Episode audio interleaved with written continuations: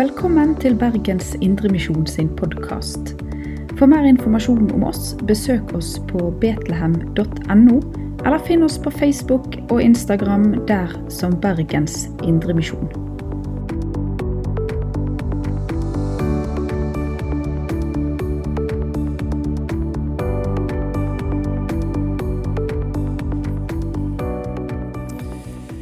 God formiddag. Dag samles vi den eh, tiende søndagen i treenighetstiden. Og treenighetstiden er den lengste perioden vi har i kirkeåret. Og den strekker seg fra første søndag etter pinse og helt frem til advent. Og i treenighetstiden så markerer vi troen på den treenige Gud. Og eh, det skal vi dykke ned i dag. Vi skal høre en lignelse fra Sønnen om vårt forhold til Faderen, og hva som skjer om vi ikke lar Ånden virke i oss. Eh, først så skal vi reise oss for å lese søndagens tekst. og Den er henta fra Matteus eh, kapittel 18, og vi leser fra vers 21. Altså Matteus 18, 21. Lignelsen om den ubarmhjertige tjeneren. Da gikk Peter til ham og spurte, Herre, hvor mange ganger skal min bror kunne synde mot meg, og jeg likevel tilgi ham? Så mange som sju? Ikke sju ganger, svarte Jesus, men jeg sier deg, 70 ganger sju. Derfor kan himmelriket sammenlignes med en konge som vil gjøre, oppgjør, vil gjøre opp regnskap med tjenerne sine. Han tok fatt på oppgjøret. Eh, da han tok fatt på oppgjøret, ble eh, en ført fram som skyldte ham 10 000 talenter. Han hadde ikke noe å betale med, og Herren befalte at han skulle selges med kone og barn og alt han eide, og gjelden betales. Men tjeneren kastet seg ned for ham og bønnfalt ham. Vær tålmodig med meg, så skal jeg betale deg alt sammen. Da, herren, da fikk Herren inderlig medfølelse med denne tjeneren, slapp ham fri og etterga ham, av, ham gjelden. Utenfor møtte tjeneren en av de andre tjenerne, en som skyldte ham 100 dinarer. Han grep fatt i ham, tok strupetak på ham og sa, 'Betal det du skylder.' Men den andre falt ned for ham og ba, 'Vær tålmodig med meg, så skal jeg betale deg.' Men han ville ikke. Han gikk av sted og fikk kastet ham i fengsel. Der skulle han sitte til han hadde betalt gjelden. Da de andre tjenerne så, det, så hva som skjedde, ble de dypt bedrøvet og gikk og fortalte herren sin alt som hadde hendt. Da kalte Herren ham til seg igjen og sa til ham, Du onde tjener, hele gjelden etterga jeg deg fordi du ba meg om det. Burde ikke også du ha vist barmhjertighet mot din medtjener, slik jeg viste barmhjertighet mot deg? Og Herren ble sint og overlot tjeneren til å bli mishandlet av fangevokterne til han hadde betalt hele gjelden. Slik skal også min himmelske Far gjøre med hver og en av dere som ikke av hjertet tilgir sin bror. Vær så god, sitt.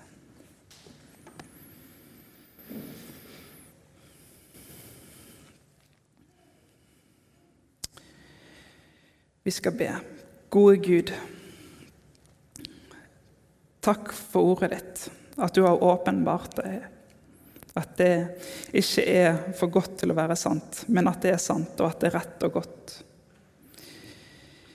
Vi ber om at du må hjelpe oss og hjelpe våre hjerter til å være mottakelige for det du vil dele med oss i dag. Jeg ber for denne gudstjenesten, Herre. At du må velsigne alle som er her til stede i dag.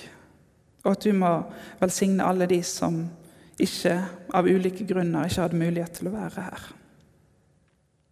Vi legger denne stunden i dine hender, Herre. Amen.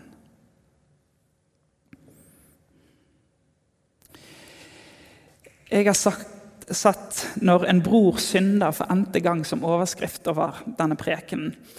Eh, for det er rent fra et menneskelig perspektiv et relevant spørsmål Peter stiller. Hvor mange ganger skal min bror synde mot meg, og jeg likevel tilgi ham? Kanskje Peter stilte spørsmålet av eh, personlig interesse for en situasjon han sto i. Eller kanskje var det mer et filosofisk spørsmål han lurte på. Den rabbinske konsensusen på, på den tiden var at du kunne bli tilgitt inntil tre ganger for samme synd. Den fjerde gangen da var det ingen tilgivelse. Og Da kan det være at Peter tenkte han la godt i når han sa foreslo sju ganger som den øvre grensen. Det er mer enn dobbelt så mye som tre. Og Samtidig så er det jo et tall vi kjenner igjen fra Bibelen. Et hellig, et helt tall. Eh, og vi har sett det flere ganger brukt. Og Å tilgi noen syv ganger vil jo sette enhver under en ganske tålmodighetsprøvelse dersom det er samme synd om og om igjen, at en skal ettergi en som har gjort det samme om og om igjen. Spørsmålet resulterer sånn som vi leste i et svar, ikke bare sju, men 70 ganger sju, og videre en lignelse som gir grunn til refleksjon og selvransakelse. Og dommen i slutten av lignelse er ikke mindre vag for de av oss som måtte lure på hva Gud forventer av oss som er tilgitt så mye. Når tjeneren som tilga sin medtjener, ble overgitt til fengsel etter at han ikke tilga medtjeneren. Og Jesus sier slik skal også Gud, eller min himmelske Far, gjøre med hver og en av dere som ikke av hjertet tilgir sin bror. Og Denne slutningen den finner vi også andre steder i Bibelen. Eh, I Fader vårs femte bønn så står det 'Forlat oss vår synd, slik som også vi forlater våre syndere'. Den første delen av setningen den hviler på den siste. Vi ber om at Gud må tilgi oss på samme måte som vi tilgir andre. Og Lignelsen vi leste i dag, kan med fordel ses i sammenheng med Fader vår. Og Dette, også, eh, dette her eh, premisset om, om tilgivelse det, det eh, understrekes også flere andre ganger i Det nye testamentet der Jesus knytter en sammenheng mellom Guds forlatelse og vår tilgivelse av andre. I et evangelium som snakker om grenseløs nåde, betingelsesløse kjærlighet, så kan det jo virke noe underlig at våre synders tilgivelse hviler på vår evne til å tilgi andre. Og Dette skal vi dykke mer inn i litt senere. Til daglig så jobber jeg som politisk rådgiver for Beate Husa eh, fra KrF. Hun er byråd for eldre, helse og frivillighet i Bergen kommune. Og Det siste året så har det vært veldig mye om eh, fokus på korona, på håndteringen av pandemien. Og Et av de spørsmålene som eh, vi har fått mye fra pressen, fra avisene, fra, fra TV, er hva er knekkpunktet for at nye tiltak skal bli innført? Det er et forståelig spørsmål å stille, eh, men utrolig krevende å svare på. Eh, og det, er heller ikke vanskelig å forstå den forventningen presten eller befolkningen har for at de som tar beslutninger i byen, på forhånd vet hva grensen for å ta eh, en beslutning er. Hvor høyt skal smittetallet være? for at den går ett skritt videre, eventuelt ett skritt tilbake for å lempe på tiltak. Er det 80 nye smittede i dag? Er det 60 i snitt den siste uken? Og Det er flere fordeler med å ha en sånn forhåndsdefinert terskel for eh, tiltak. Eh, en av fordelene er at man, eh, det er mindre fare for tunnelsyn. For man blir prega av den situasjonen man står i. Så dersom det skjer en sånn gradvis opptrapping, så kan et tall som var, virka stort for lenge siden, ikke være så stort når man eh, er tett oppi det. Men å komme med en sånn terskel har dessverre vist seg å være vanskelig. Eh, tiltakene har kommet etter en helhetlig vurdering der både kvantitative tall og kvalitative tall eller vurderinger av smittevernansvarlige har eh, blitt tatt med i betraktningen før tiltak eventuelt har blitt innført eller lettet på.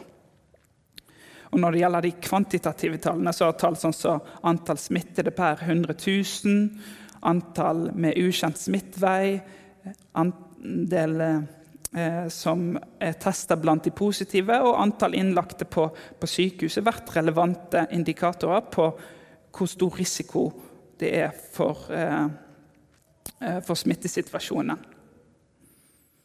Eh, men det har ikke vært mulig å endelig definere tiltak ut ifra kun dette. her, For det er andre ting som òg spiller inn. F.eks. mutasjon av virus, eller andel vaksinerte. Eller hvilke arenaer smitten skjer på. Dette er sånne vurderinger som må gjøres helt, helt uavhengig av de rene tallene man ser på statistikkarket. Og Siden jeg har opplevd at det har vært veldig mye fokus på denne terskelen det siste året, så har jeg veldig stor sympati med Peter når han stiller spørsmålet til Jesus. Gitt at det finnes en sånn terskel for hva, eh, hvor mange ganger man skal tilgi andre, så er det utrolig nyttig å vite hvor, hva er den terskelen Hvor lenge skal min tålmodighet vare før jeg kan si punktum, nå er nok? Dette var siste gang. Ikke sju ganger, sier Jesus, men 70 ganger sju. For de av dere som dropper hoderegningen i dag av hensyn til hviledagen, så kan jeg si at det er 490 ganger. 70 ganger 7. Men det er litt sånn usikkert om det er 490 som det her menes. Mer trolig så er det et motstykke til noe vi finner i første Mosebok om Lamek. Her understreker Lamek at en, eh, et overgrep mot ham skal hevnes 77 ganger mot Kain, som skulle hevnes sju ganger. Og Når Jesus sier 70 ganger 7, så kan det også leses som 70 og 7 ganger. Og dermed 77. Slik blir det en direkte motsetning til Lamek, som skulle hevnes 77 ganger. Og Det er også på samme måte vi leser i Eh, den greske si, oversettelsen eller eh, Matteusevangeliet er jo skrevet på gresk, og der står det på samme måte som eh, i Septoginta-oversettelsen, den greske oversettelsen av Det gamle testamentet. altså Ordlyden er tilsvarende. Men uansett om vi leser 77 eller 490 ganger, så sprenger dette alle grenser. Og i den konteksten er det heller ikke tenkt at 77 skal være den øvre grensen for tilgivelse. Dersom den rabbinske regelen for tilgivelse var tre ganger, så er 77 eller 490 regnes som en tilgivelse som sprenger alle grenser. Uten begrensninger. Eller som Trygve Bjerkheim sier, du får komme til Jesus for tusende gang.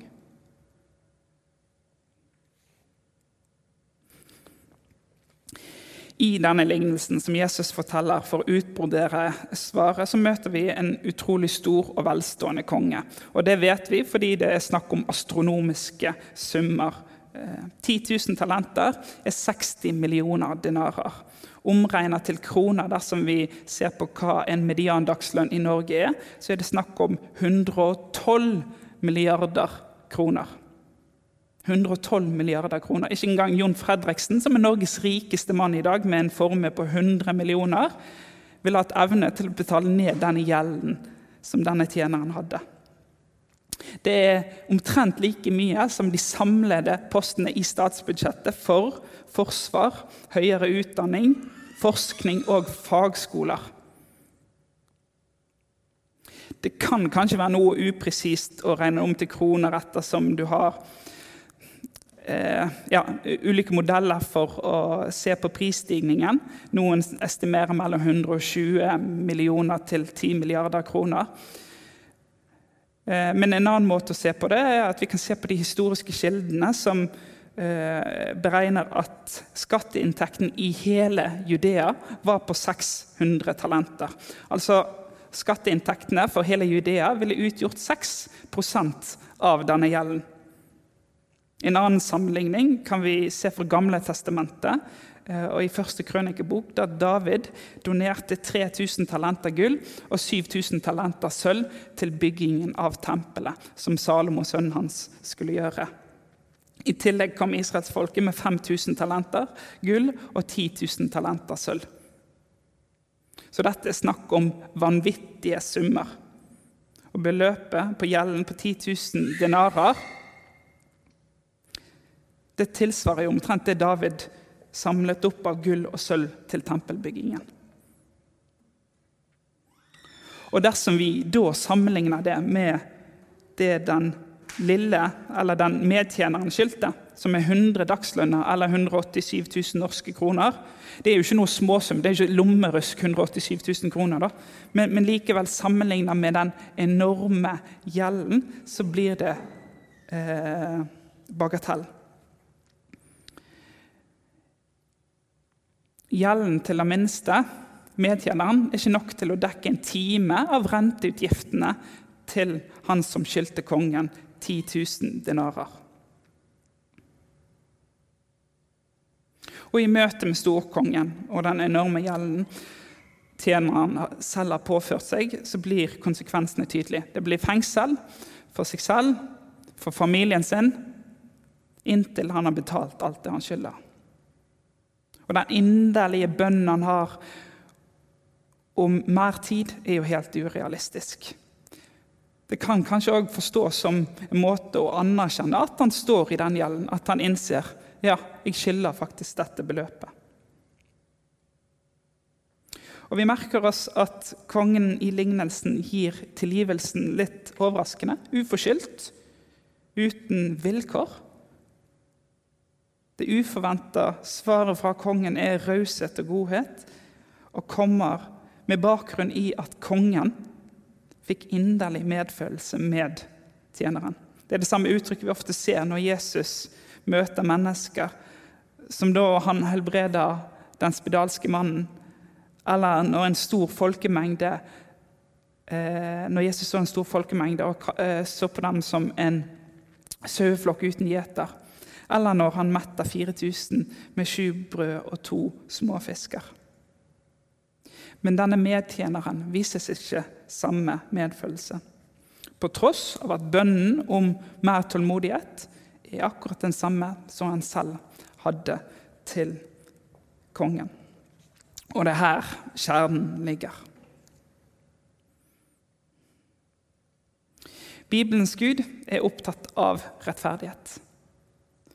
I Det gamle testamentet ser vi at flere forfattere, både Mosebøkene i Jonas' bok og av David i salmene, bruker følgende beskrivelse om Gud.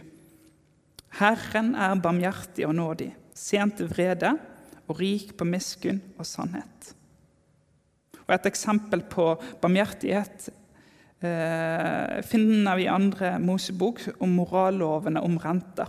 Der står det tar du din nestes kapp i pant, skal du la ham få den tilbake før solen går ned. For den er den eneste han har til å dekke seg med. Kappen skal han ha rundt kroppen. Hva skal han ellers ligge i? Når han roper til meg, vil jeg høre, for jeg er barmhjertig. Eller et annet eksempel fra Jonas' bok, når Jonah klager over at eh, Gud viser barmhjertighet. Herre, var det ikke det jeg sa da jeg var i mitt eget land? Derfor ville jeg skynde meg vekk og flykte til Tarsis, for jeg vet at du er nådig og barmhjertig Gud. Du er sent til vrede og rik på miskunn, så du angrer ulykke. Og Samtidig møter vi i Bibelen en Gud som er opptatt av rettferdighet, på kanskje en annen måte enn det vi enn mange ville tenkt i dag. Det er verdt å merke seg at Jesus ikke ser noen motsetning i at vi har en himmelsk far som så rik tilgir, og samtidig straffer så hardt. Og kanskje skal ikke vi heller. Lignelsen tegner et tydelig bilde av en Gud som tar et oppgjør med det onde men som samtidig er barmhjertig og god. Og hva sier så lignelsen om oss, om vårt forhold til Gud og vårt forhold til medmenneskene? Tjeneren-lignelsen kan ikke gjøre seg fortjent til kongens barmhjertighet, langt derifra, men kun oppnå frihet med kongens godhet. Kongens tilgivelse, den kommer først. Det andre vi lærer om oss, er at vi som er tilgitt, selv må tilgi. Og Det er vanskelig å lese denne lignelsen på en annen måte enn dette. Dersom vi ikke klarer å tilgi andre, viser vi kanskje ikke at vi er i stand til å motta tilgivelsen. Og Martin Luther han forklarer det på følgende måte i eh, Den store katekismen. Sitat. Gud har lovet at vi skal få visshet om at alt er tilgitt og ettergitt, men på den betingelse at også vi tilgir vår neste. Når vi da synder så mye mot Gud hver dag, og Han ettergir oss alt, så må også vi alltid tilgi vår neste som gjør oss skade, vold og urettferdighet, og er full av ondskap mot oss, osv. Hvis ikke du tilgir, må du aldri tenke at Gud tilgir deg. Men hvis du tilgir, så har du den trøst og visshet at du har tilgivelse i himmelen. Ikke på grunn av at du tilgir, for Gud gjør det for intet av nåde, fordi Han har lovet det, slik som evangeliet lærer oss. Men Han har satt dette vilkår som kjennetegn ved siden av løftet som svarer til denne bønnen. Tilgi, så skal du få tilgivelse. Og det har Han gjort for å styrke oss og gi visshet. Derfor gjentar Kristus dette løftet like etter Fader vår og sier dersom dere forlater menneskene deres overtredelse, så skal også deres Far i himmelen forlate dere. Sitat slutt.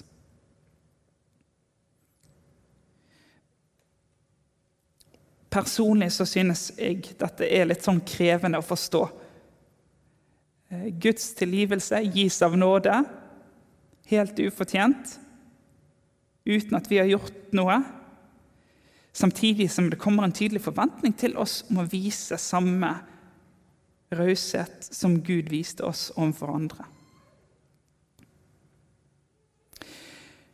Jeg synes en fortelling som er skrevet i 1862, gir et interessant perspektiv i denne sammenheng. I den kritikerroste musikalen Les Miserables om skikkelser i Frankrike på 1800-tallet, møter vi en mann som står i gjeld og får den strøket ut. Fortellingen er basert på romanen til Victor Hugo og ble også i 2012 eh, filmatisert på nytt. I musikalen, som på norsk heter De elendige, får vi innblikk i historien til Jean Valjean. En mann som har tilbrakt to tiår med straffarbeid. En dom som opprinnelig kun var på fem år, for å stjåle en munnfull brød til sin søster, enda pga. flere rømningsforsøk opp med totalt 19 år med straffarbeid. Det er jo en helt grusom dom for å prøve å mette sin søster. Og når han endelig går fri, må Jean Valjean, som straffedømt, bære med seg et dokument som sier nettopp dette, at han er straffedømt. Og det er vanskelig for han å få et ærlig levebrød. Og i den håpløse jakten der han jakter på nettopp å komme tilbake til en hverdag, opplever Valjean seg uønska av alle han møter. I tillegg så har han jages han av mistenkelig politi. Og så dukker biskopen Myrell av Digne opp. Biskopen, som, som kommer fra stusslig kar. Dette er ikke en sånn velstående biskop, men, men, men en biskop med begrensede midler. Eller menigheten hadde iallfall veldig begrensa med midler. Tar seg av Valjean. Han gir han en seng, et varmt måltid og tak over hodet. Biskopen viser en ubetinget kjærlighet til Jean Valjean de har ikke hatt noe forhold på forhånd. Og Jean Valjean han gjengjelder denne godheten han ble vist med å stjele kirkens sølvtøy. Så stikker han av. Politiet som har holdt et halvt øye med Jean Valjean, pågriper han, og så finner, han kirke, finner de kirkens sølvtøy. Og da er det jo bare én fremtid som venter Jean Valjean. Det samme som han har erfart i 19 år. Det er der veien går. Men før han skal dit, så, så tar politiet han med tilbake til biskopen for å bekrefte at dette her er eh, menighetens sølv, og at dette her er tyveri. Så skjer det noe veldig spesielt. Biskopen han insisterer på at sølvtøyet var gitt til Jean Valjean. Og ikke bare det. Han sier at Jean Valjean i all sin hast hadde glemt å ta med disse to lysestakene. Politiet kan jo ikke gjøre annet enn å godta forklaringen, og de går. Og Biskopen sier så til Valjean at han må bruke pengene han får for sølvet, til å skaffe seg et ærlig levebrød. Resultatet av den enorme rausheten og godheten som vises Jean Valjean, snur, gjør at han snur sitt liv på hodet. Og etter hvert blir en svært vellykka forretningsmann.